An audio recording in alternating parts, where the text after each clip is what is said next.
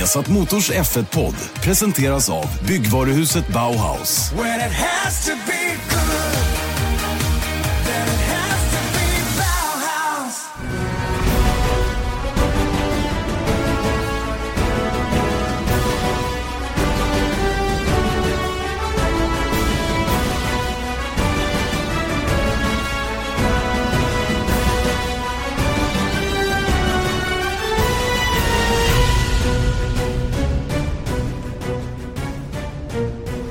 Otroligt varmt välkommen till Viasat Motors Formel 1-podd. Erik Stenborg och Janne Blomqvist som ska försöka beta sig igenom det senaste som hänt i Formel 1-världen.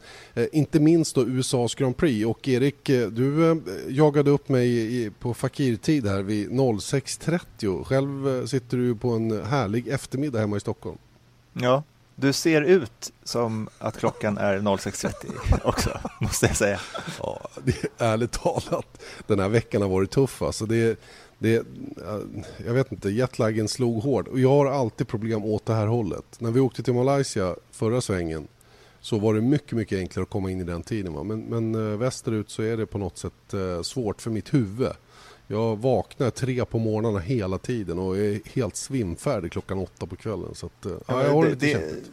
det är faktiskt helt sjukt för att jag har liksom, du vet som man gör under en F1-helg så liksom kommunicerar man lite. Janne är alltså sju timmar bakom och eh, då har jag liksom skickat iväg ett sms att ja, nu har vi bokat den där grejen bla bla bla och jag får svar direkt.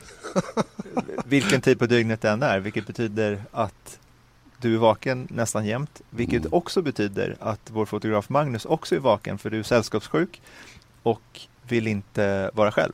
Nej, det måste man, måste ha kompisar. Mange kom upp alldeles nyss här i kalsonger och tog en bild på mig när jag satt där. Den ska vi givetvis lägga upp på F1-bloggens Facebook-sida så att ni ser den. Ja. Men eh, vi, Det, vi, ditt eh, 0630-look. Nej. så jag är förkyld också, det är inte heller bra. Eh, vad jag skulle säga var att vi, vi bor, vi, jag blir mer och mer förtjust i stället vi bor på. Vi har fått en jättestor lägenhet som eh, ligger i ett vanligt eh, hus, alltså ett vanligt bostadshus. Eh, hyreshus och eh, inte riktigt downtown Austin heller. Den ligger precis söder om floden.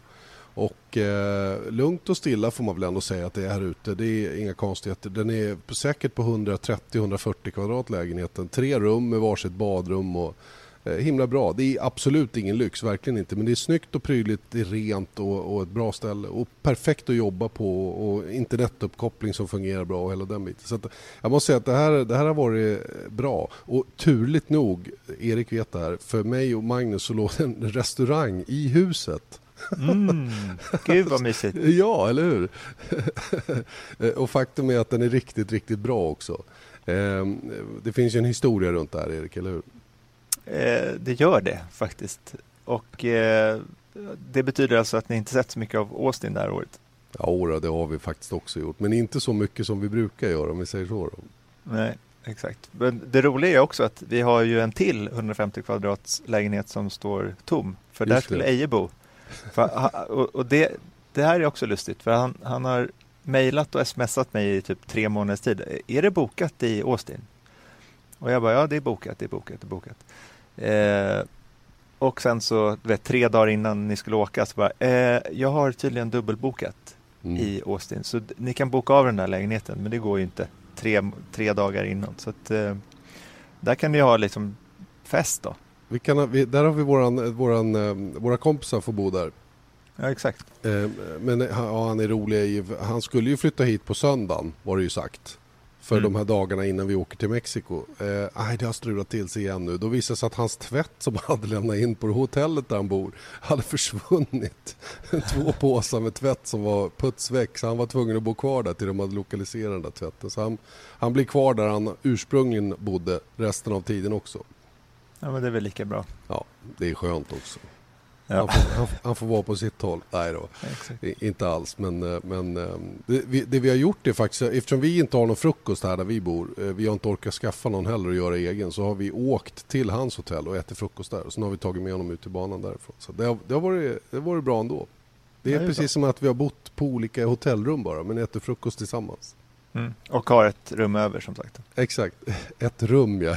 Ja, exakt, en lägenhet. ja. Men du, Lite ja. Formel 1 nu kanske. Ja, vi. Väl, vi, vi, måste väl ägna oss åt det. Lewis Hamilton, ja, som, eh, han kör ju en klass för sig just nu, det måste man ju säga. Det, det, ehm, det är faktiskt, eh, jag tycker det är lite, lite unikt till och med det vi ser just nu. I Schumachers bästa dagar kunde vi se det här.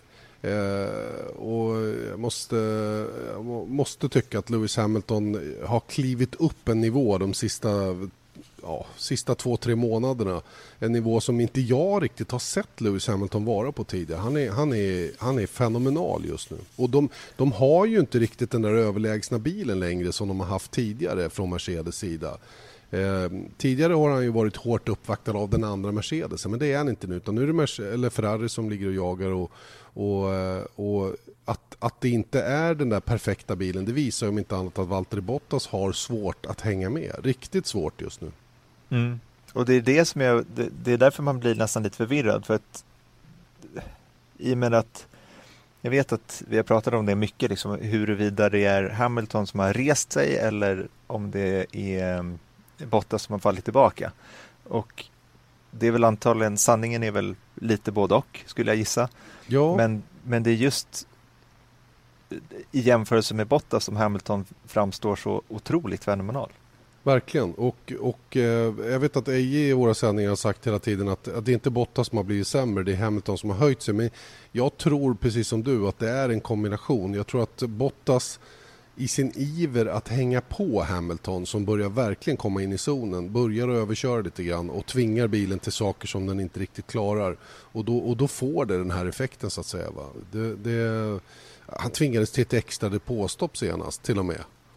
Ja. Eh, vilket var otroligt oväntat. Tappade givetvis många placeringar på det. Så det, det, det, det är tufft för Bottas just nu. Och, och du, du, eh, du eh, sa till mig att det faktiskt redan börjar snackas lite här och där om att han, att han eh, kanske inte får fortsätta, men det låter lite hårt tycker jag. Ja, jag, jag tycker liksom det är väl lite sån där det finns viss brittisk media som, som drar på lite kan jag tycka, men, men samtidigt så är det ju det där att ja, vem annars ska de stoppa in då i och för sig. Men, men, men jag tror ändå att det är tur för honom att kontraktet redan är signat om man vänder på det på det hållet.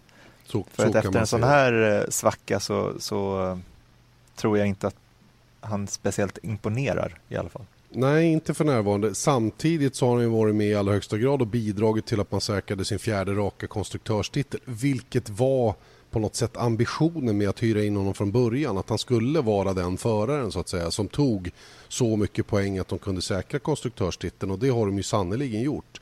Så att på det viset tycker jag han har gjort jobbet. Va? Det är bara det att, och jag tror att teamet är oerhört medvetna om vilken press han har på sig det här första året eh, och, och ger honom lite utrymme för den biten också. Så att eh, eh jag tycker inte det, det, är någon katastrof för Valtteri Bottas, verkligen inte. Va? Men det, det, det som situationen just nu belyser det är ju att det faktiskt inte bara är bilen hos Mercedes utan att det, det är förarrelaterat också hur fort den går att köra, verkligen.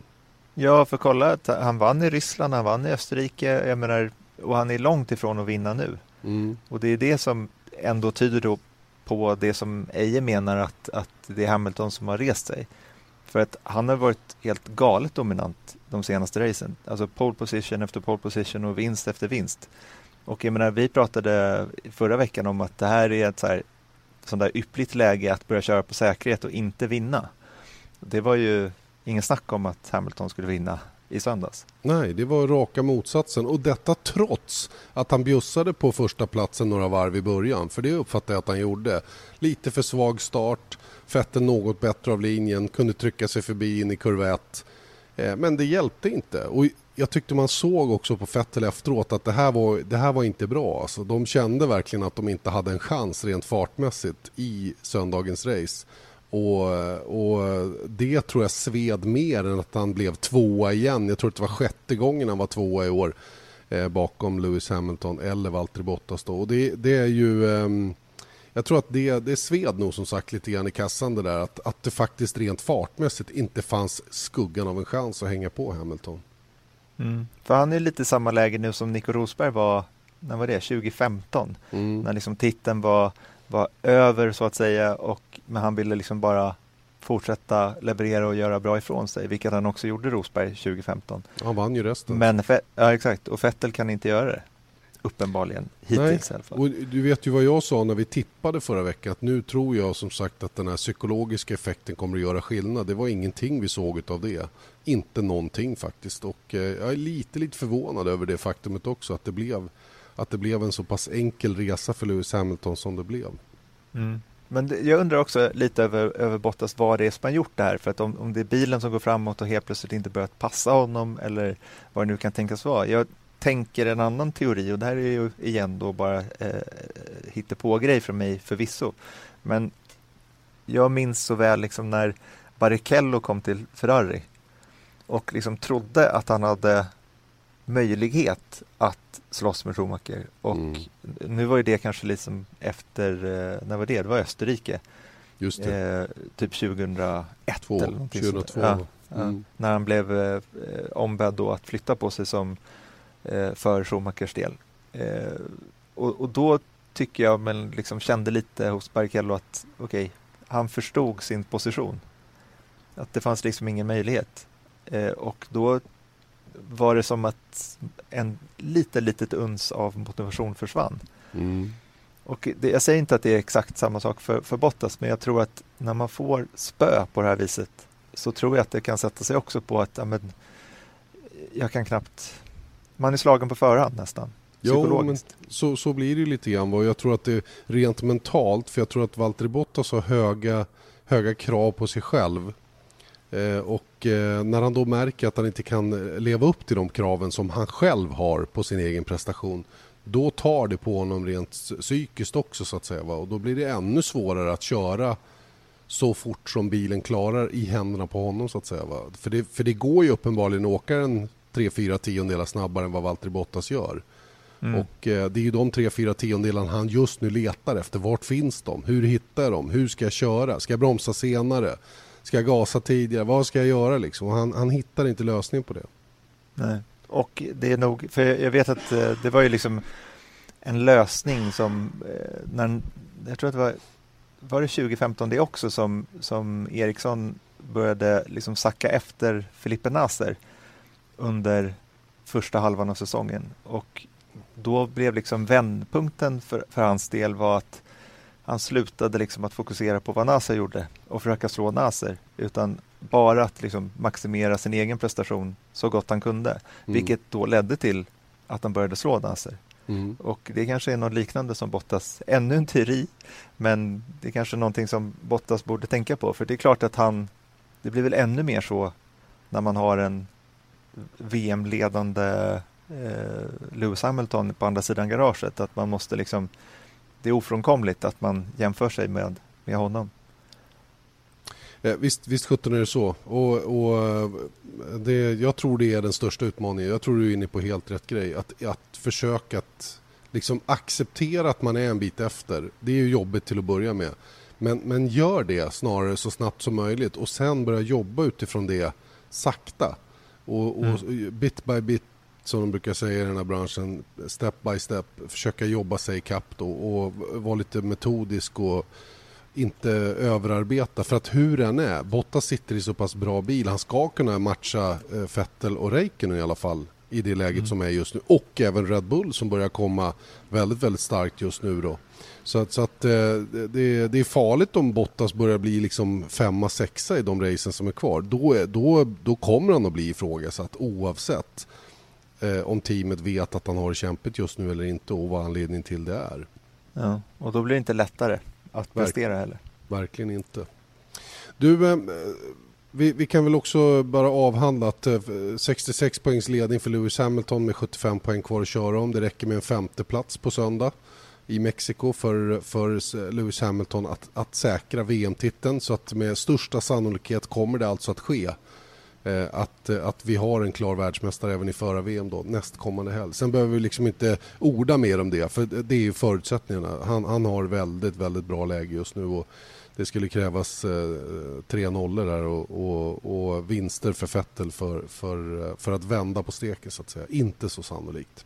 Nej, och kommer den inte i Mexiko så kommer den i Brasilien för att tiden börjar ta slut. Exakt, exakt. Eh, och ehm, ja, vad kan vi prata med? USAs Grand Prix blev ju väldigt, väldigt speciellt av många skäl. Till att börja med så var det ju lite chock att det kom en eh, före detta president på besök in i depån och att han dessutom var gäst hos Sauber. Det var ju extra, extra fränt. Eh, att det var något på gång.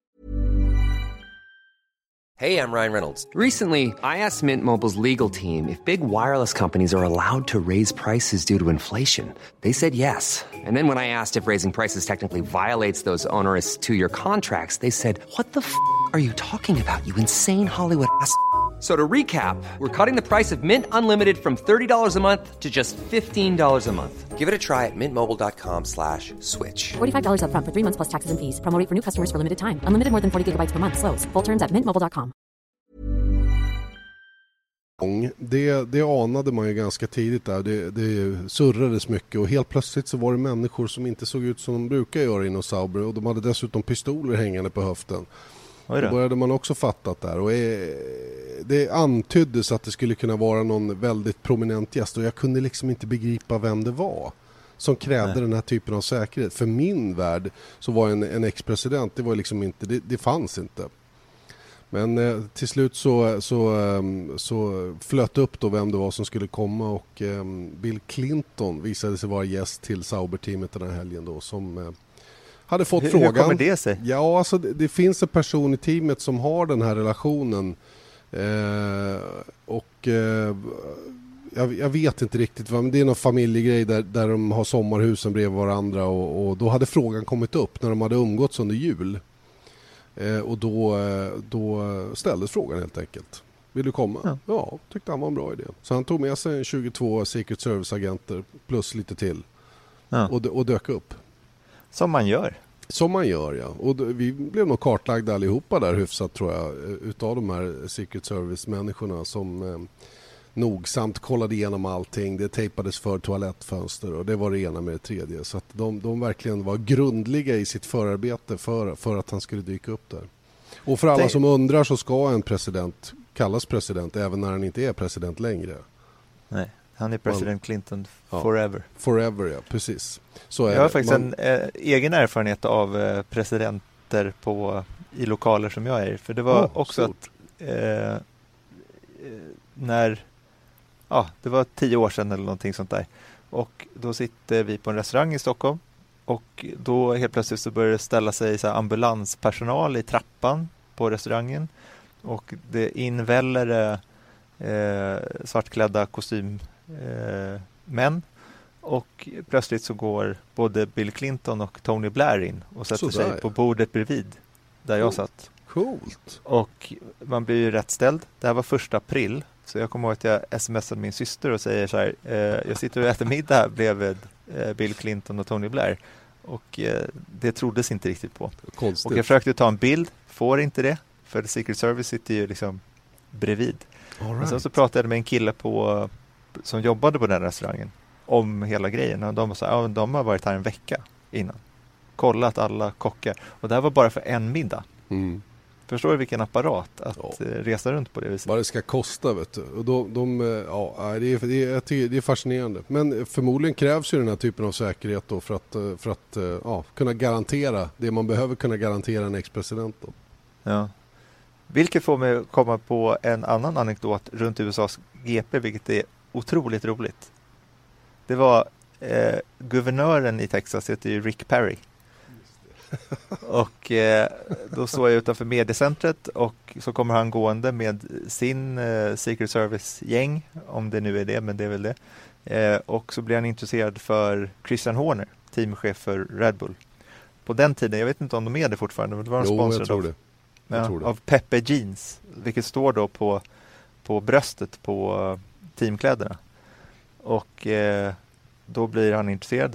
Here's the governor of uh, Texas, Rick Perry. Och eh, eh, Rick Perry då sträcker fram kardan till Christian Horner och säger så här Good to meet you Pepe. Och så drar han. Påläst. Ja, verkligen. F1-fan ut i fingerspetsarna. ja, det är coolt.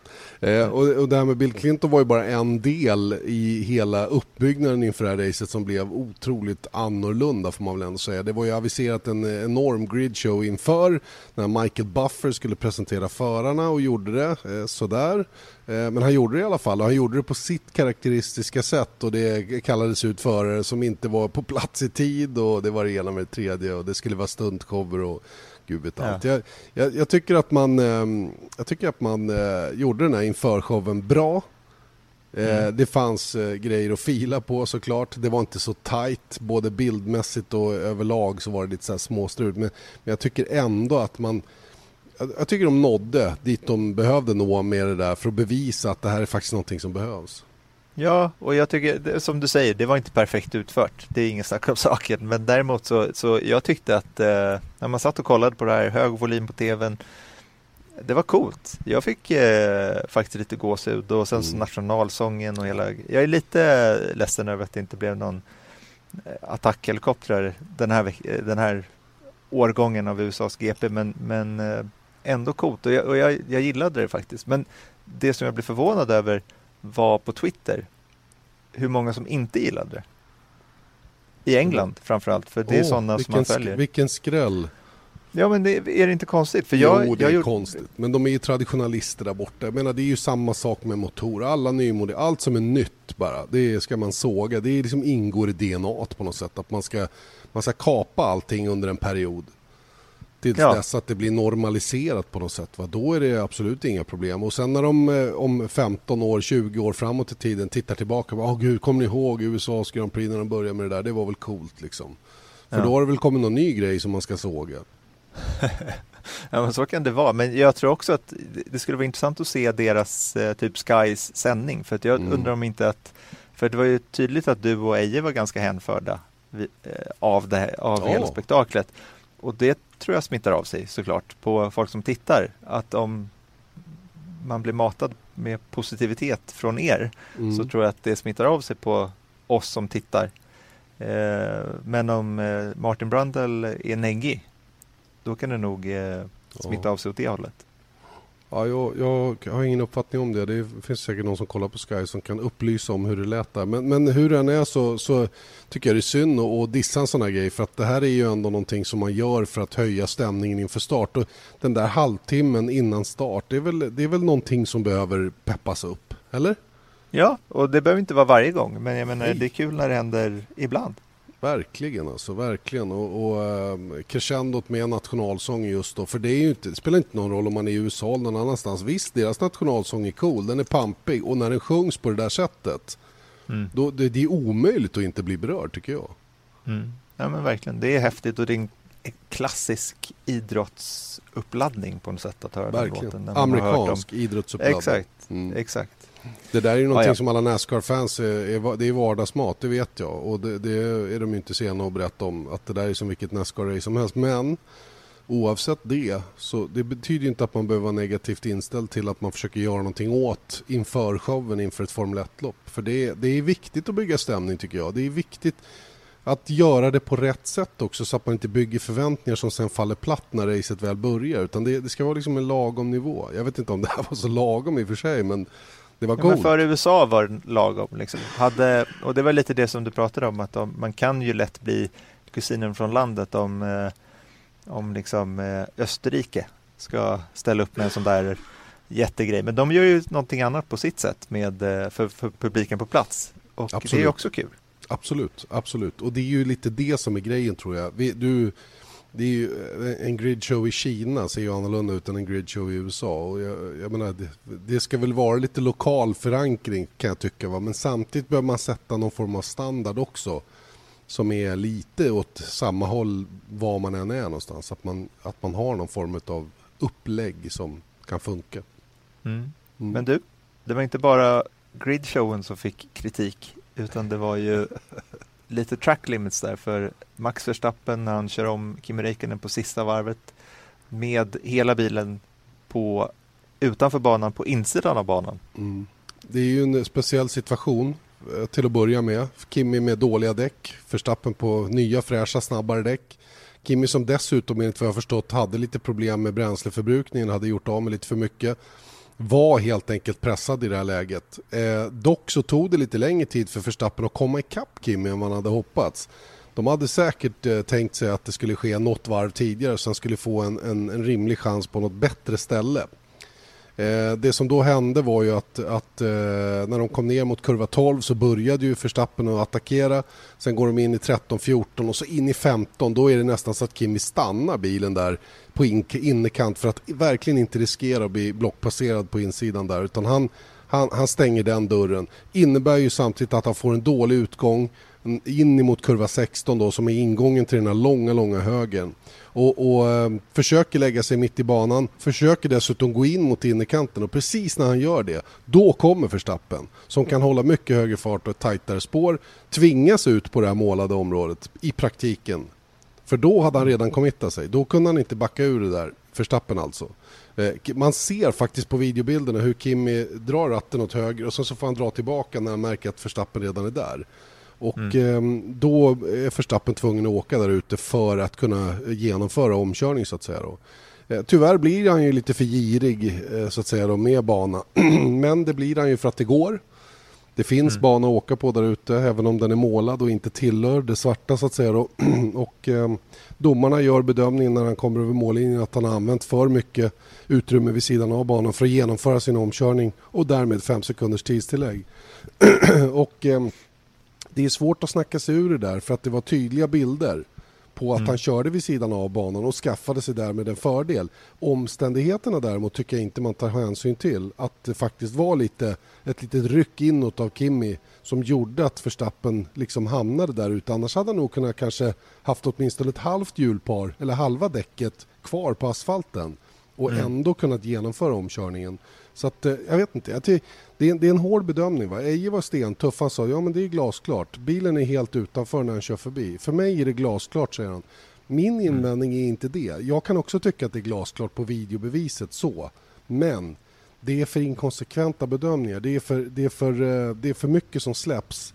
Och anledningen till att det släpps mer nu eller att den här diskussionen kommer upp igen är ju dels för att den här situationen uppstår men också för att många fans och media har ju klagat på att domarna lägger sig i för mycket. Att det mm. petas mm. för mycket, att man ska säga till om vad minsta lilla grej så att säga. Va? Och, och, det, och det är ju en följd i sin tur av att banorna är byggda som de är som gör att sådana här situationer uppstår allt för ofta. Eh, och, eh, och det är i sin tur då ett, ett led i säkerhetsarbetet. Va? Så det här är en, det här är en jätte, jättestor fråga som måste lösas på något sätt om vi ska slippa den här typen av kritik. Samtidigt tror jag den här kontroversen med Förstappen och livet efteråt är ingenting som skadar sporten i sig. Det är bara bra att det snackas lite och den här typen av grejer kan nog, kan nog eh, pigga upp på ett sätt. Att det blir lite engagemang ifrån, från publiken och från media. Ja, fast det är just den där grejen att nu blev det så himla Jag menar hade det här varit eh, du vet, om femte plats då hade det blivit så här, okej okay, men han blev sexa istället. Eh, men här blev det så liksom olyckligt så att säga att han var uppe i podierummet och fick inte komma upp och mm. sen så var det väldigt mycket förvirring på plats om man förstod det. Att alla bara, ha eh, Förstappen trea och sen så fick folk läsa liksom dagen efter att nej, han kom inte trea utan Fyra. det blev någonting annat. Mm. Ja exakt och, och, och, och, det är det där som jag tycker är lite är det synd. Men, och sen så var det ju just det där att, som många har kritiserat var ju att eh, track limits har inte varit en grej under den här helgen så det har varit wow. väldigt många som har liksom eh, varenda varv varit utanför banan. Mm. Sen så vet inte jag om det har varit så liksom, det här var ändå lite speciella omständigheter i form av att det var en omkörning. Han var utanför banan på insidan av banan, inte en utgång. Nej. Eh, han genade alltså, körde en kortare exakt. väg. Mm. Han genade och eh, liksom för att det fanns massa andra exempel liksom när, när Bottas blev omkörd och liksom går utanför banan men det är på utsidan av kurvan där han inte hade plats och sånt där. Han, han tvingas dit eller vad man skulle kunna säga det. Eh, och nu kan man hävda då att Verstappen blev tvingad dit. Han blev också på ett vis men, men det finns ju lite annorlunda grejer men jag kan ändå tycka att jag hade hoppats att de hade släppt det där. Mm. på något vis. Men samtidigt är det jättesvårt att säga, just av den anledningen som du var inne på innan, att han var utanför banan. Mm. Så enligt boken så, så ska han få en bestraffning. Exakt. Och eh, till domarnas försvar också med att det blev som det blev efteråt. De var sjukt snabba med att dela ut straffet ändå. Ja, För det här var ju tre kurvor innan målflagg. Vi visste ju redan i princip innan de hade gått ut på podiet att det hade blivit en bestraffning. Men ja det, alltså beslutet kom kom ju i Park Förmed när de parkerade där. Exakt, exakt. Så att det, det, de var ju raska på det viset då. Sen, sen eh, tycker jag att eh, de här utfallen från Max Verstappens pappa, de är ju så, det är oseriöst att hålla på så ute i media. Eh, Att han får kritisera beslutet, det har jag inga problem med överhuvudtaget. Men liksom hålla på och beskylla FIA för att vara någon Ferrari-supportande organ och sådana. Sånt är bara tramsigt. Då faller man ner på, på vissa fans nivå som jag tycker inte kan hålla sig. Och, och det, det tycker, sånt tycker jag är värdelöst. Han är ändå en officiell person. Han är pappa till Max Verstappen. Sånt där håller man inte på med. Sen kan man låta som Niki Lauda som tycker att det här förstör sporten. Eller jag läste Nico Rosberg som också var inne på att det, var, det här var en megaomkörning. Hallå, han blev uttvingad. Det där ska Ja. ni bara släppa, det är inget snack va. Alex Wurz, en annan kille med stor respekt i depån och har kört mycket, också inne på samma. Att Och man- dessutom man- eh, GPDA-ordförande Exakt, under exakt. många år. Exakt. Va? Och jag menar, jag läste Alan McNish, eh, Dario Franchi, alla pratar ju att och även, jag tror Lewis Hamilton var inne på det faktiskt också, att den enda som kan skyllas för det här är banans utseende.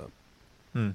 Och, och, Ja, det där det- är ju, ja, och det där har vi ju pratat om hundra gånger, att, att layouten på banorna med den här generösa utrymmet vid sidan av, av säkerhetsanledning oftast, bygger den här typen av situationer som vi helst vill slippa. Mm. Men det skulle vara lite lättare om banorna såg ut så här. Jag förstår att man inte har en mur för att det är livsfarligt. Men asfalt, vit linje, riktigt gräs, Ja. två meter, saken är Men, biff. men då undrar man ju så här, hur har snacket gått när man bygger banorna? Det, är ju, det tycker jag är mest fascinerande att ingen har tagit reda på, inte vi heller egentligen. Man skulle vilja sätta sig med Herman Tilke och så fråga hur tänker du? Mm. Och vad är liksom, vad vill du uppnå med att lägga nästan två meter målad, målat område utanför banmarkeringen som de faktum går att köra på. Vad är poängen Mm. med det? Utan att ha en curb som är tre decimeter hög som är jättetydlig för föraren att inte köra på. För hur den är, de, de lär ju sig ganska snabbt att där går det inte att åka. Det märker man ju. Samtidigt får man ju inte bygga farliga lösningar. som- Nej, och det var kan- ju kritik runt Red Bull Ring där för några år, det var väl två år sedan när de Ja. återkom till Red Bull Ring ehm, och folk slog sönder sina hjulupphängningar i tid och otid just för att det var för höga curbs. Mm. Och det var liksom svårt att undvika för det var liksom inget tydligt hinder någonstans utan Nej, så folk men, var men det är också så att det, där är det karaktären på kurvan. Den är så himla himla snabb den sista svängen där i, i Österrike. Och gör du bara minsta lilla misstag där, då är du ute på de här curbsen. Det finns inget som hindrar, alltså även om förarna är mycket medvetna om hur kurben ser ut så, så blir det en liten miss där, då riskerar man ju allvarliga konsekvenser. Och det är ju det som är farligt. Va? Så Mm. att eh, man, får, man får verkligen tänka till där. Och jag tror att det här behöver gås igenom en vända till. Fia kommer ju få det hett om öronen nu eh, näst, redan i Mexiko med frågor runt omkring eh, track limits och hur det ska, hur det ska ehm, hur man ska döma i de här frågorna. Mm. Hoppas att de lägger ut eh, en sån där klipp som de brukar göra från förarmötena i Mexiko. Det kan vara spännande. Just det. Ja, det kan vara lite kul. Jag tittade faktiskt på det igår från USA. Nu är det ju så lite små, man får ju bara någon minut av hela mötet. Ja. Men det är lite spännande ändå att se hur, hur, vem är det som sträcker handen? Vem är, vem är klassens clown liksom och vem, är, vem vågar ställa det är alltid frågor? samma människor som pratar. Ja, Kan man det, är, det är några som känner sig trygga med det där och Mm. vill vara med och tugga lite grann. Eriksson Du- pratar inte så ofta om det här, men han var stark i USA. Ja, han var väldigt, väldigt stark i USA och jag, jag måste säga att jag är förvånad över de som inte tycker det. För att eh, vi pratar alltså om en bil som var ett varv efter alla andra bilar i Japan. Det var visserligen Pascal Wehrlein jag vet inte hur långt efter Marcus hade varit. Men även i de andra racen som har varit dessförinnan så är de 3-4 sekunder långsammare. De har, de har haft totalt noll chans och ingenting. Helt plötsligt så, så lyckas Marcus få bilen dit han vill ha den på ett sätt som jag inte har sett någon gång tidigare under säsongen. Man får däcken att börja fungera. Man tog ett smart beslut, startade på Supersoft som där alla gjorde det faktiskt fick ett bra raceresultat i förhållande till startposition. Inte minst Max Verstappen. Och eh, man kan inte kritisera Marcus för att bli 15 i mål eller vad han var. Var han 15 eller 14? Jag kommer inte ihåg. Hur många gick i mål?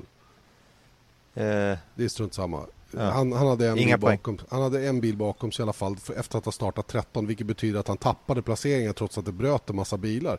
Men, men så kan man inte se på det. Hur 17, hur 17 ska han kunna ha någon bil bakom sig med den där Mm. bilen? Och han hade ändå en bil bakom sig. Så att, eh, och han hade kunnat haft fler bilar bakom sig om jag tror... Ja, jag ska inte säga att jag tror att teamet hade gjort annorlunda. Jag tror att de ändå tog rätt, rätt beslut rent strategiskt. Men han var i alla fall med i fighten. Han körde i kapp ett helt depåstopp på Toro Rosso Williams. mm. Det är fasen imponerande alltså. Riktigt, riktigt imponerande.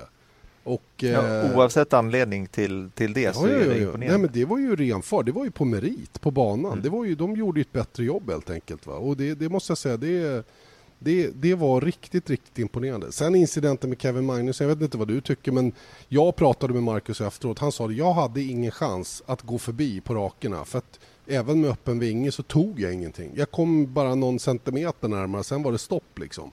Så jag måste hitta på något. Och han såg den här möjligheten och tog den. Och Kevin öppnade ju faktiskt dörren ganska ordentligt. Och om han inte såg Marcus komma där på innen, då vet inte jag var han tittade någonstans. För, men, men han ville ju in mot Apex och stänga den dörren va? och då blev det ju kollision. Så att, eh, ja. Jag tror att det var det han gjorde. Jag tror han visste att eh, jag måste stänga den här dörren fort nu för att annars så kommer han smita förbi. Men hur Och jag tänker, tror att då i och för sig då tänker man ju lite konstigt för då han, det är ju bara han själv som blev lidande av det i huvudsak. Så Ja, då, då kommer vi- eller jag menar det är också en, en sån där commitment innan man vet vad som händer bakom. Man vill i alla fall inte ha en öppen dörr. Nej, nej, tror jag. nej det är ju jag- sant. Det är sant. Så, så, jag menar, jag tyckte eh, Marcus sa det efteråt också att han hade bett om ursäkt till Kevin och det var inga Nej. no hard feelings. Så att, jag menar, jag tror bara att så här, tänk om han hade satt den så hade han varit en hjälte. Sen Ja. så där och då så tyckte jag ju att han var ju två sekunder snabbare per varv så ge det två varv till då. Så Mm. hade han kanske kunnat komma förbi ändå för att eh, Kevins däck blir sämre och sämre. Och, Fast det var inte och- hans bedömning vet du. Det, det, han sa nej, jag, nej, jag nej inte exakt. förbi. Men där och då så, så kände, jag, Ja, kände jag så också. Visst. Men, eh, Men vi såg Men- ju det där fenomenet med att komma ikapp andra bilar såg vi flera gånger. När han körde ikapp Hartley och Stroll där så var det ju samma sak där. När han hamnade i deras tempo, ja då steg ju varvtiderna med en sekund på en gång. Mm. Och, och det, det är liksom och, och det, den är inte stark den här bilen. Och det är därför jag hävdar att, att ha gjort som de gjorde på, och gått över till Ultra en sista stint eller ett Supersoft till. Att spegla eh, Toro Rosso och Williams, för det tyckte jag var det smarta då eftersom han hade skaffat sig det läget. Men Mm. då hade det krävts att han undercuttat dem, gått in före dem och gjort det. Mm. Att följa dem i efterhand, det hade aldrig funkat för då hade han kommit ut bakom och då hade han aldrig klarat att köra förbi. Han hade aldrig haft den farten. Så att, eh, eh, när jag pratade även med Marcus Ingenjör där så, så var de också av samma uppfattning där. Det är klart att det hade varit roligt för Marcus att kunna vara med och haft ett högre tempo och fightas på ett annat sätt. Men där fick de nog inse vilken bil de har trots allt. Mm. Ja, men eh, oavsett vad, det var, det, var, det var synd att det blev som det blev. Jag tror att det här hade kunnat bli en sån där lite halvklassisk omkörning om den hade lyckats. Du vet, alla Verstappen i Monaco när han var rookie där och eh, du vet, Häckenen på Schumacher och Sonta och du vet, sånt där, smita med. Mm. Men eh, nu blev det inte så, men det var ändå ett bra race. Ja, absolut. Verkligen bra race. Och jag hoppas han kan bygga vidare på det här. Och det var ju i, i grevens tid. Det varit lite upprättelse nästan kan jag tycka. För att det har varit så himla svajigt på slutet. Det var visserligen hyfsat bra fart i Japan va? Men, men de andra grejerna som har hänt där, det, de är inte hundra. Va? Och det som var väldigt, väldigt farligt och nära att hända igen var ju om han själv hade fått bryta nu med den här attacken på Kevin.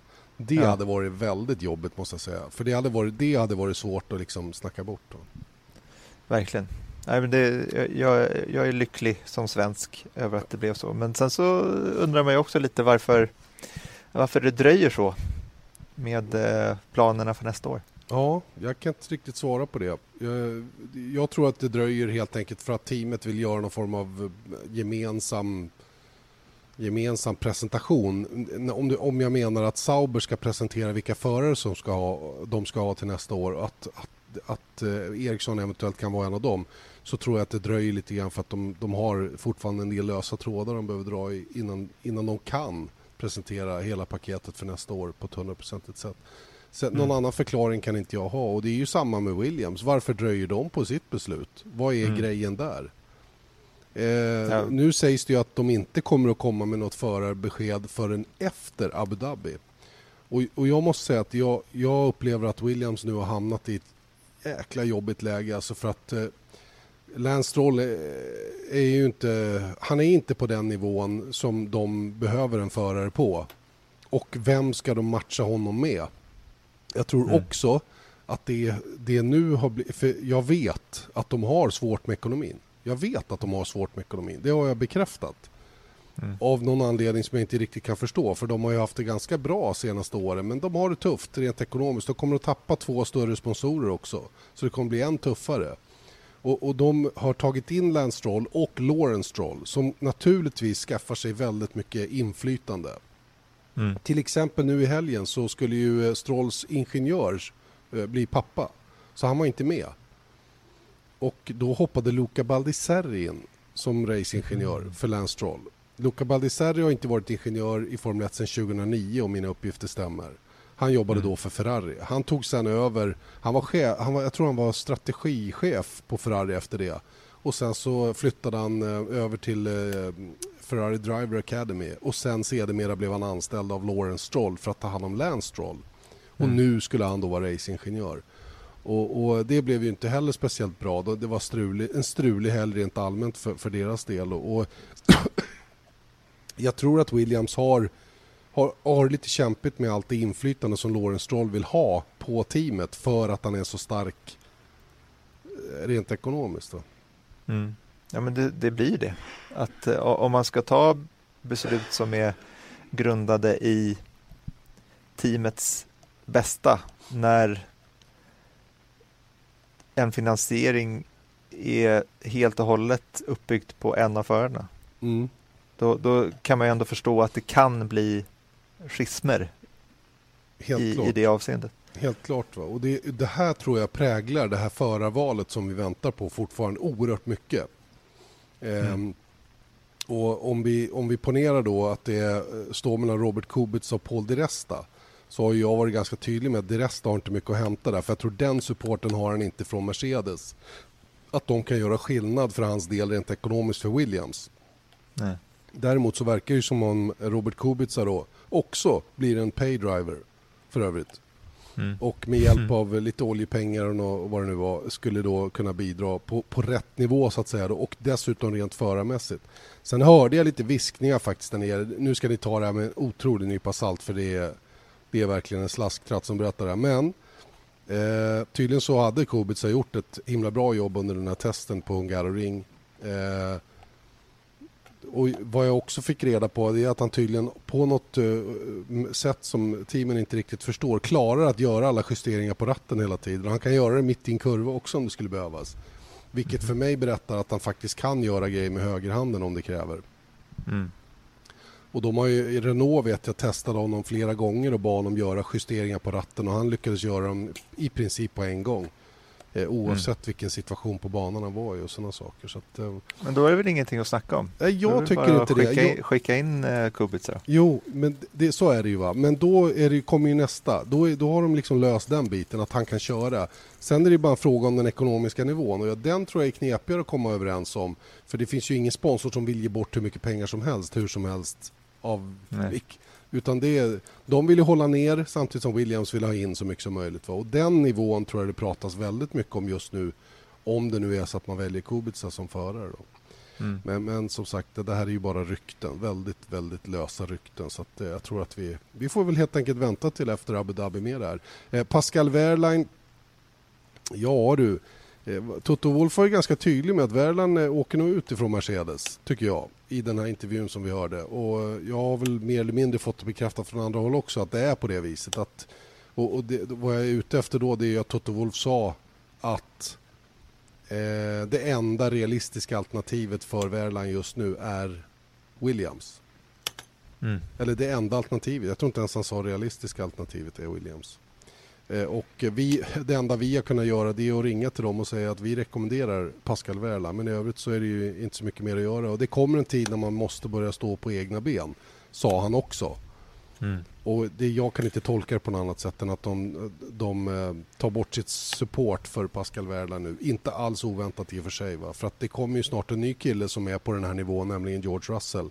Och de har redan Esteban Ocon. Så att, eh, jag, jag har känt det här på mig under en längre tid. Va? Och eh, det är mycket, mycket, mycket som talar för att Verlan inte kör Formel 1 2018. Någon annan som man kan eh, prata gott om är ju faktiskt eh, Carlos Sainz. Verkligen, verkligen. Jag måste säga att han, eh, han levererar ju på en gång så fort han kommer i den där bilen. Jag vet inte hur många som var förvånade över det men jag trodde nog att det skulle vara lite, lite tyngre än det visade sig vara för hans del. Eh, poäng direkt, eh, tycker jag. Jag tycker han gjorde tävlingens coolaste omkörning. Mm. Eh, Jag håller med. och, eh, ja, bara bra helt enkelt. Och eh, enastå, remarkable tror jag eh, Cyril Abiteboul uttryckte hans insats som. Mm. Jo men vadå, tänk dig liksom hur jobbigt Palmer har haft det.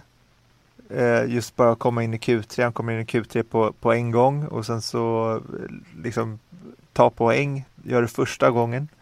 Jag menar, och, det, och ovanpå det här, inte bara det att han lyckas göra det, men det är ny bil, nytt team, nya omständigheter, nya processer, allting. Och han, det spelar ingen roll för honom för han gör det ändå. Mm. Och jag menar, ingen hade liksom höjt på ögonbrynen om man hade blivit slagen av... Nu, nu var Hylkenberg inte med i racet på det sättet som man hade kanske hoppats. Men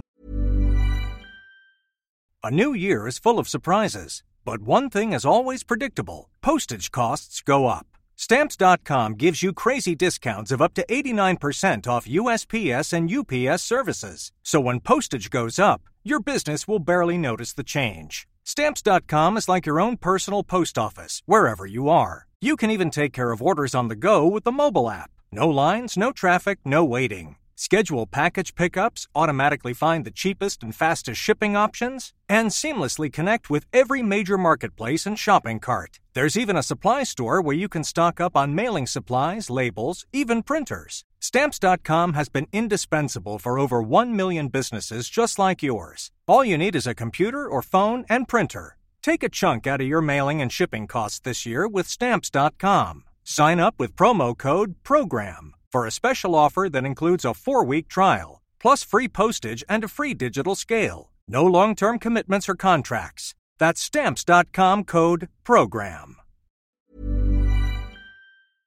ingen hade höjt på ögonbrynen om man hade kommit tolva och blivit utkvalad av Nico Hylkenberg.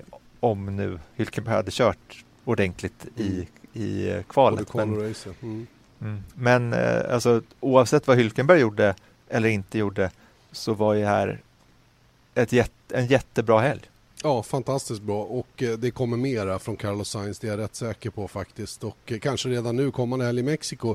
Jag tycker även att de båda Toro Rosso-förarna ska ha ett omnämnande. Jag skrev det i min blogg bland annat att Kviat kommer tillbaka på det sättet han har blivit behandlad, tar poäng Mm. eh, och eh, liksom markerar att jag är bra fortfarande. Det, det tycker jag var starkt gjort. Jag tycker det, det tyder på väldigt, väldigt starkt psyke att klara av den grejen.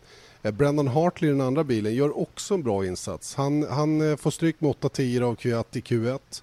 Inte mycket att säga om. Det är kanske det svåraste av allt. Att lära sig de här däcken över ett snabbt flygande varv med lite bränsle ombord. I racet så lät det som att han varit lite för konservativ i perioder av racet.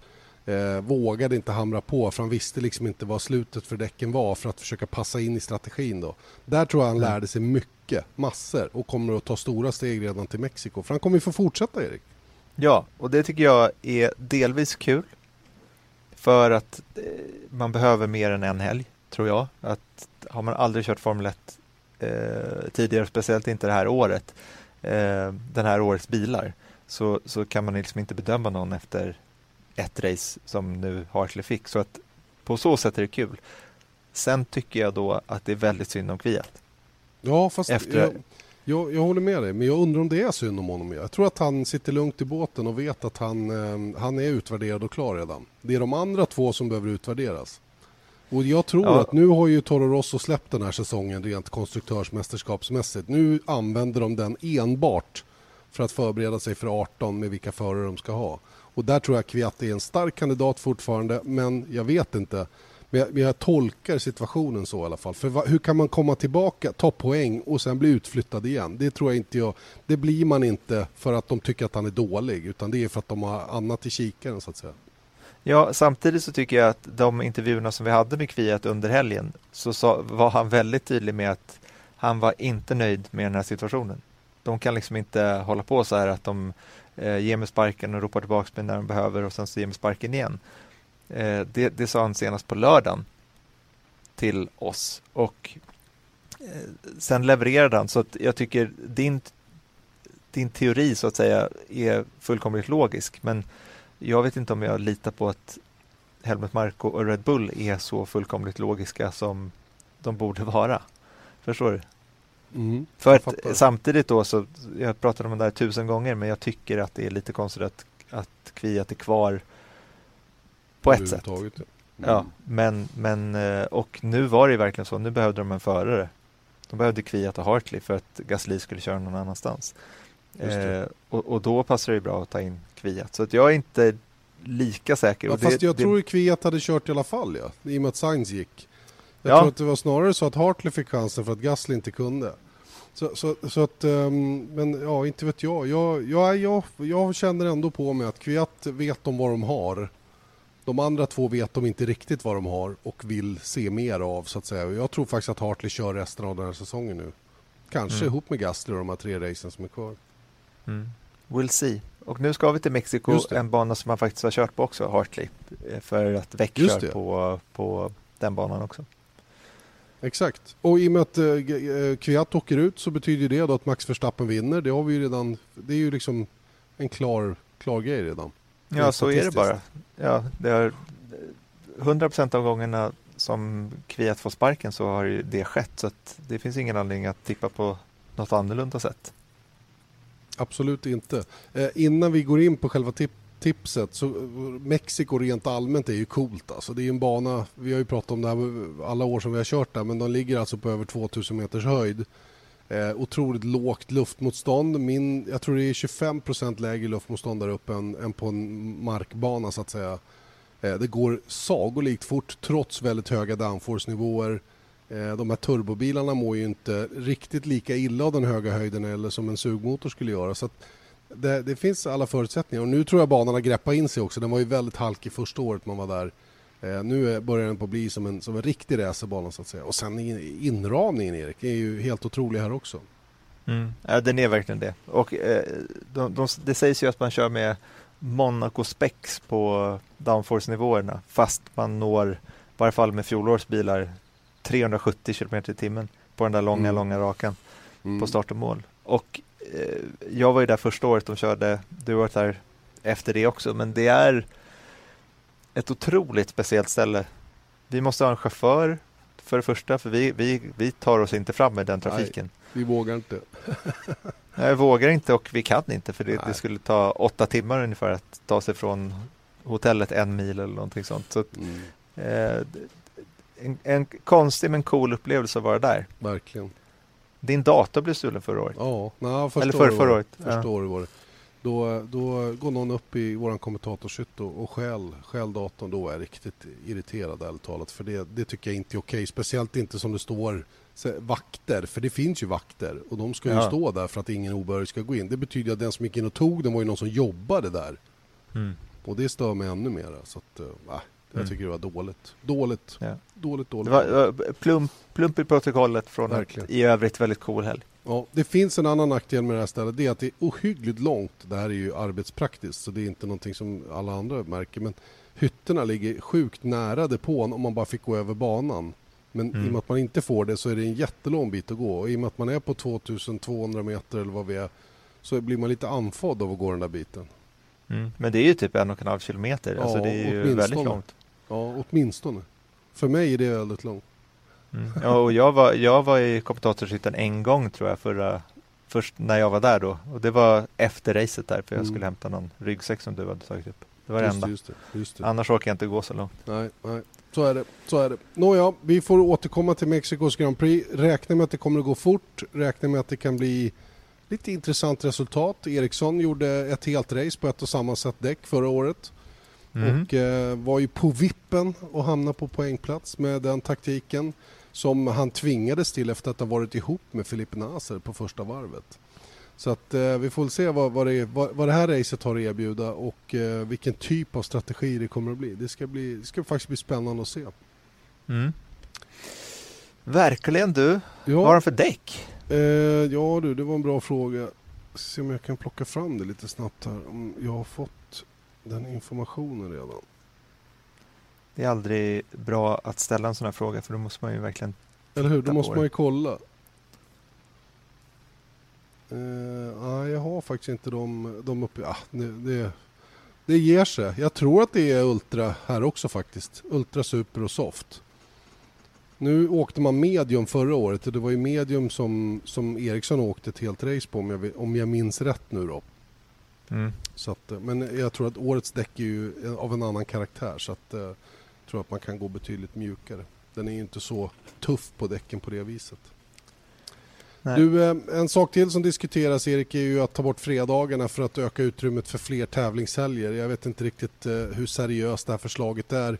Jag kan tycka att helgerna är långa med fredag, lördag, söndag och att man borde kunna komprimera det och använda tiden bättre. Men, men samtidigt så är ju det här ett format som, som vi har haft länge och som, som de allra flesta är bekväma med. Och nu ligger vi och maxar på antal racehelger, 20-21 stycken. Det är vad man klarar just nu känns det som. Och så vill de ha upp det till 25.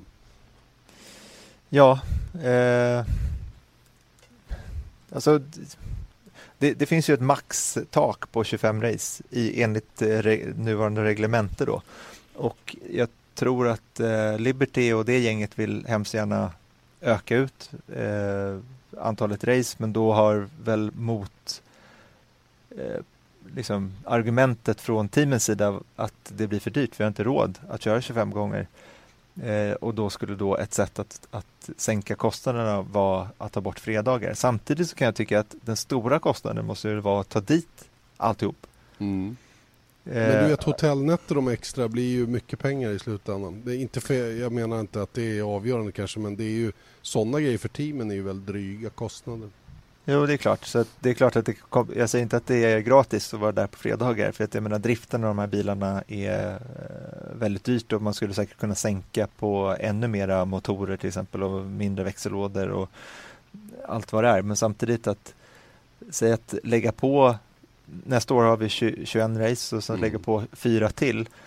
Och det blir ju, jag menar det är 70 pers i varje team som ska resa dit de nu ska. Och det är förmodligen flyaway-race också, de här fyra till som kommer.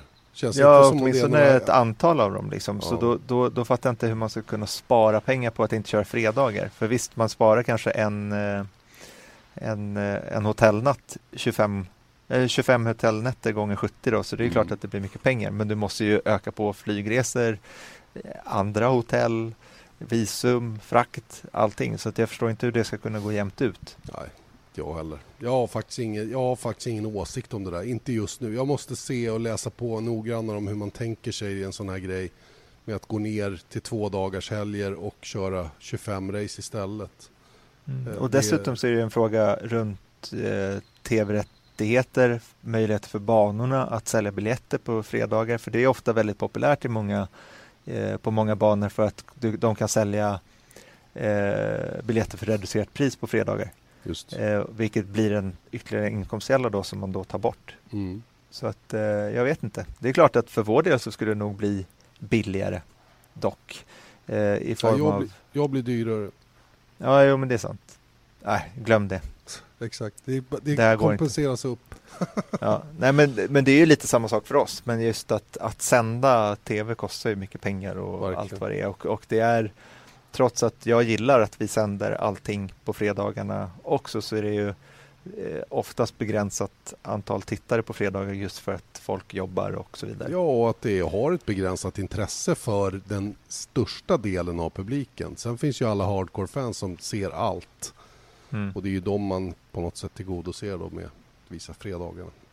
Mm. Nåväl, så är de det. Nu ska vi skämmas, eller i alla fall jag. Eh, Det är dags för tipset som gick käpprätt åt HVT för min del. Ja, det gjorde det faktiskt. Och det stod 14-12 till mig innan USA. Jag tippade att Vettel skulle ta pole, Hamilton skulle vinna och Räikkönen skulle ta snabbaste varv. Du tippade i sin tur att Vettel skulle ta pole, vinna och Verstappen skulle ta snabbaste varv. Mm.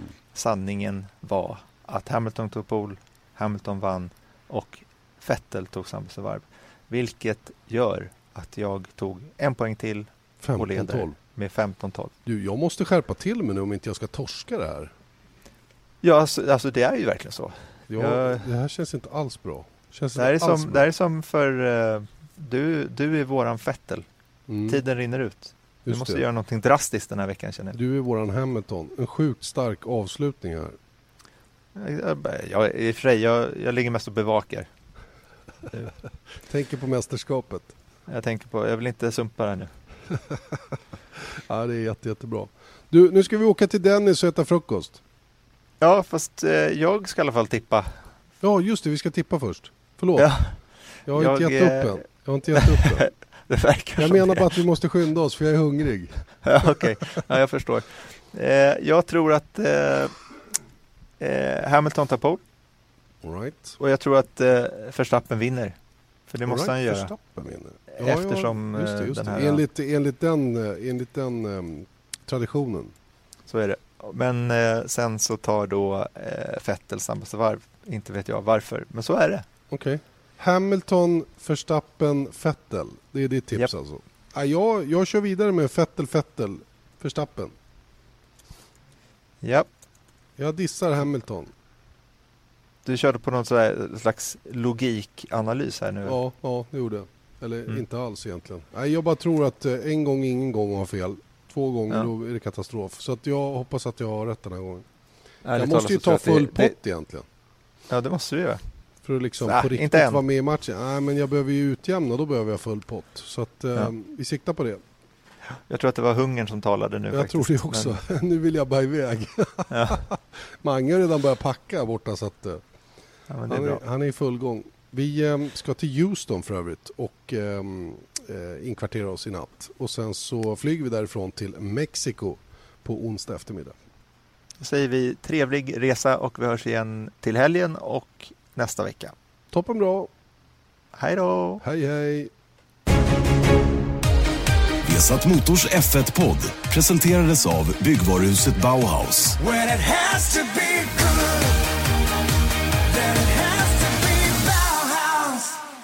Ja just det, nu kom Mange här. Vad fan? Naken. Naken ja, exakt. Det där är min lur. Ja du ska ta en bild ja. Du får ta av gummit där för annars funkar det inte. Ta av Skjut av. annars funkar det inte. Ja men det var bra. Ja det är en bra bild.